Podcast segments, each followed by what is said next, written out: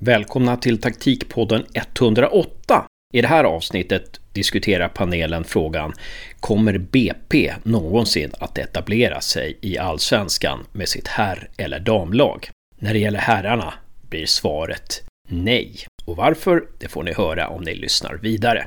Jag heter Hasse Karstensen och med mig i den här panelen har jag Dali Savic, ettans bästa tränare 2020. Tobias Birgersson med erfarenhet av tränare och sportchefsuppdrag i damallsvenskan och elitettan och Josef Karstensen, scout och analytiker. Gott slut och gott nytt 2022!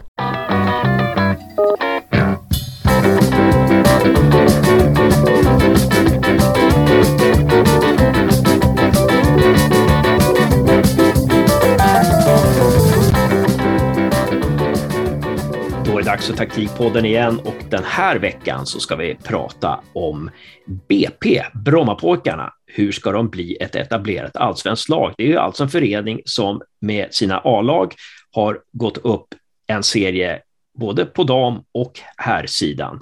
Damlaget säkrade den allsvenska platsen i absolut sista omgången av elitettan och tog tredjeplatsen i elitettan och gick därmed upp direkt till damallsvenskan 2022. Och Brommapojkarna, BP herrar, de säkrade ju seriesegern ganska tidigt med några omgångar kvar i division 1 norra.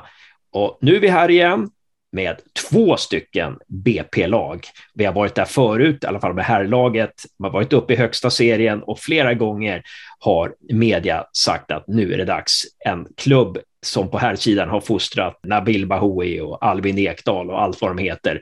Nu kommer de att etablera sig i allsvenskan. Men nej, det, de har åkt ut ganska snabbt igen. Så hur ska BP kunna etablera ett allsvenskt lag? Vad är det som saknas hos den här föreningen som fostrar ungdomsspelare på ungdomsspelare och som tar steget upp i eliten? Josef, har du någon ingång där?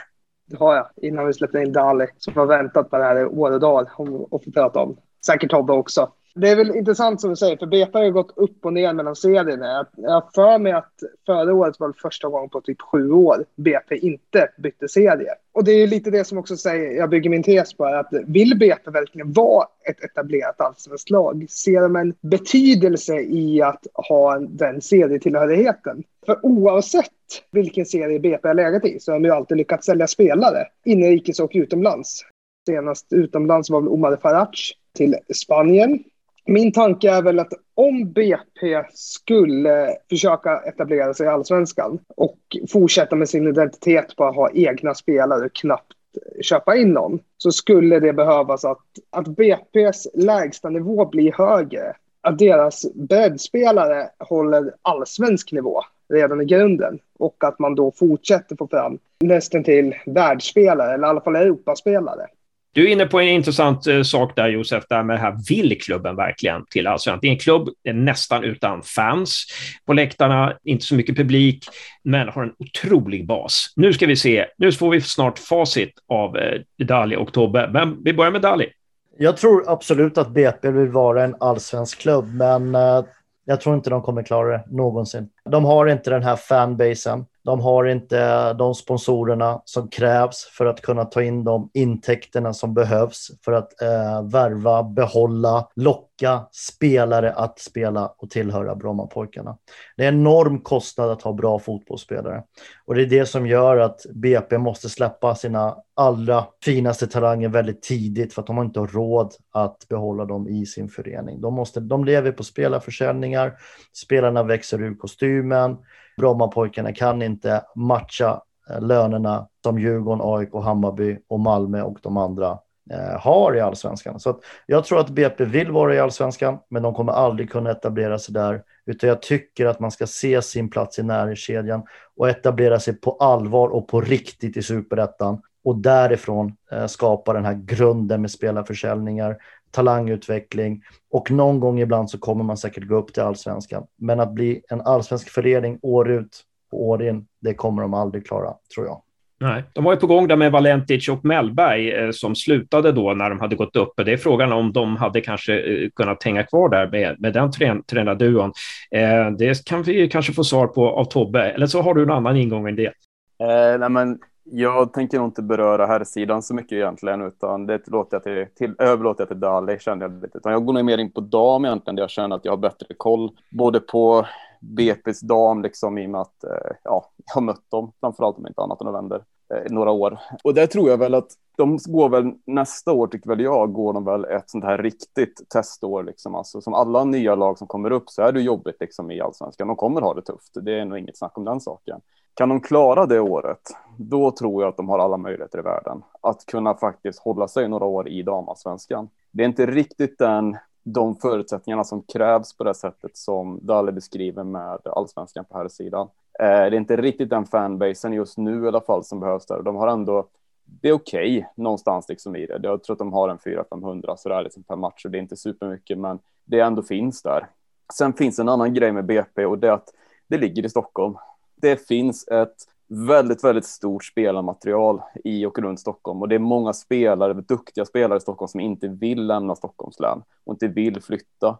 Och det kan hjälpa BP till att faktiskt få in ganska bra spelare eh, i klubben och i laget. Men sen så allting handlar egentligen, tycker jag, om nästa år. Vad de liksom gör inför och hur ödmjuka och förstående de är liksom för vad det kommer att innebära nästa år.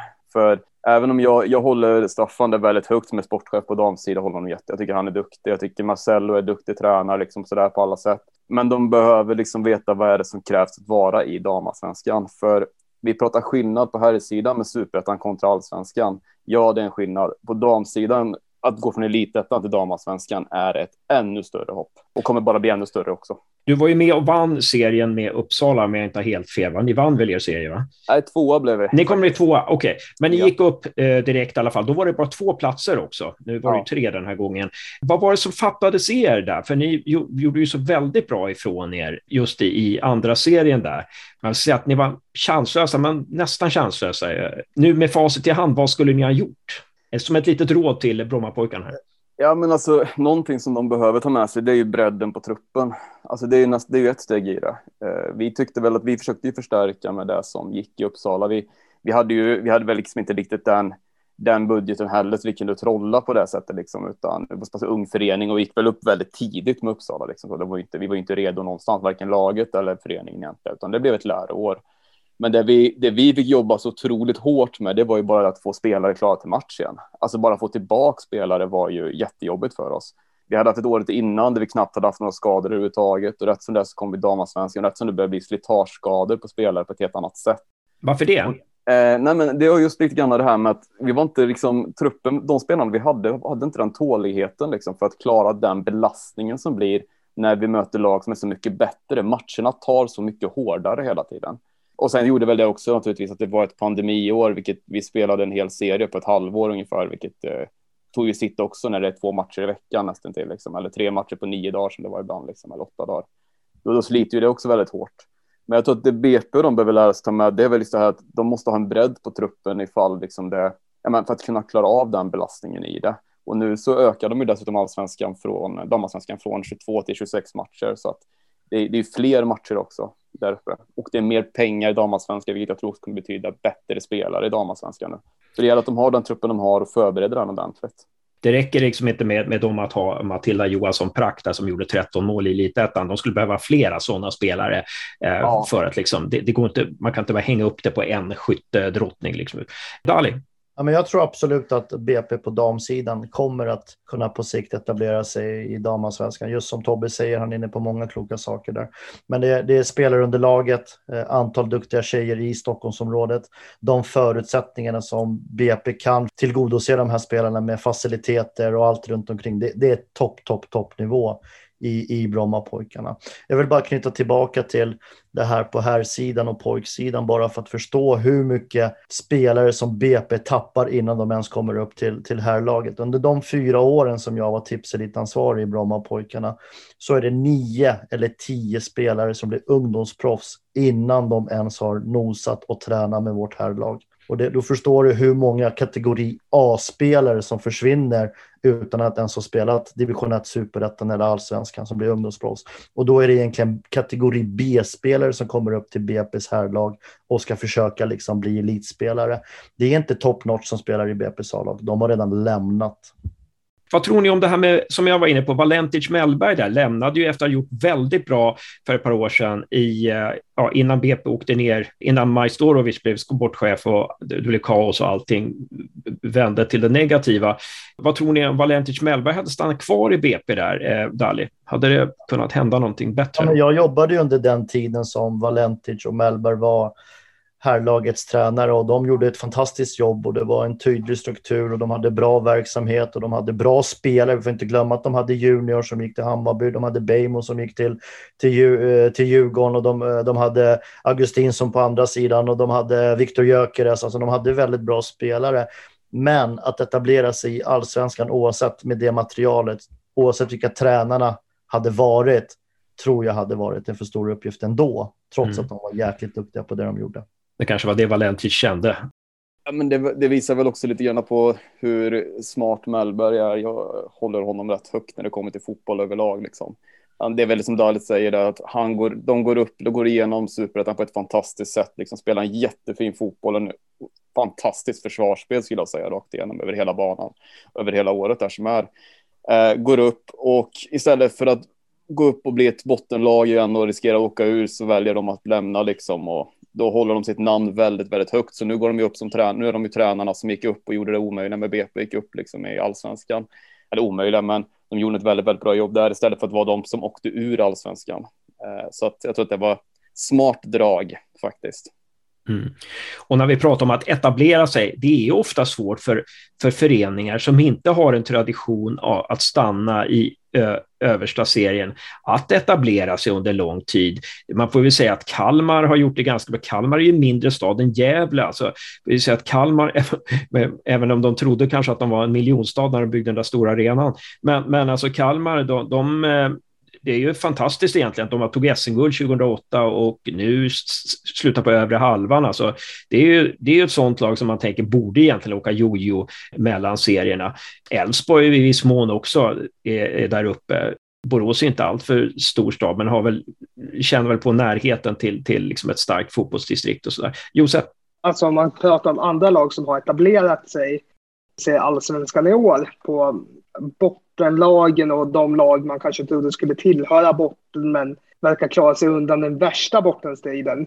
Det jag tycker finns en gemensam faktor, och det är, jag tjötar om det här, men det är identiteten. Man ser ju verkligen var, varje lag som man tänkte skulle vara ett bottenlag på förhand med det spelarmaterialet, om man bara ser namn för namn. Då tänker jag till exempel, ja men vi säger Varberg och Sirius. Det var väl inte många som hade höjt dem inför den här säsongen. Men jag tycker man ser en tydlighet när man ser, om vi då tar Sirius, deras, allt från deras värvningar till deras spel. Det känns som en väldigt röd tråd. Allt är väldigt tydligt med vad de söker och vad de vill ha in. Och sen blir prestation därefter.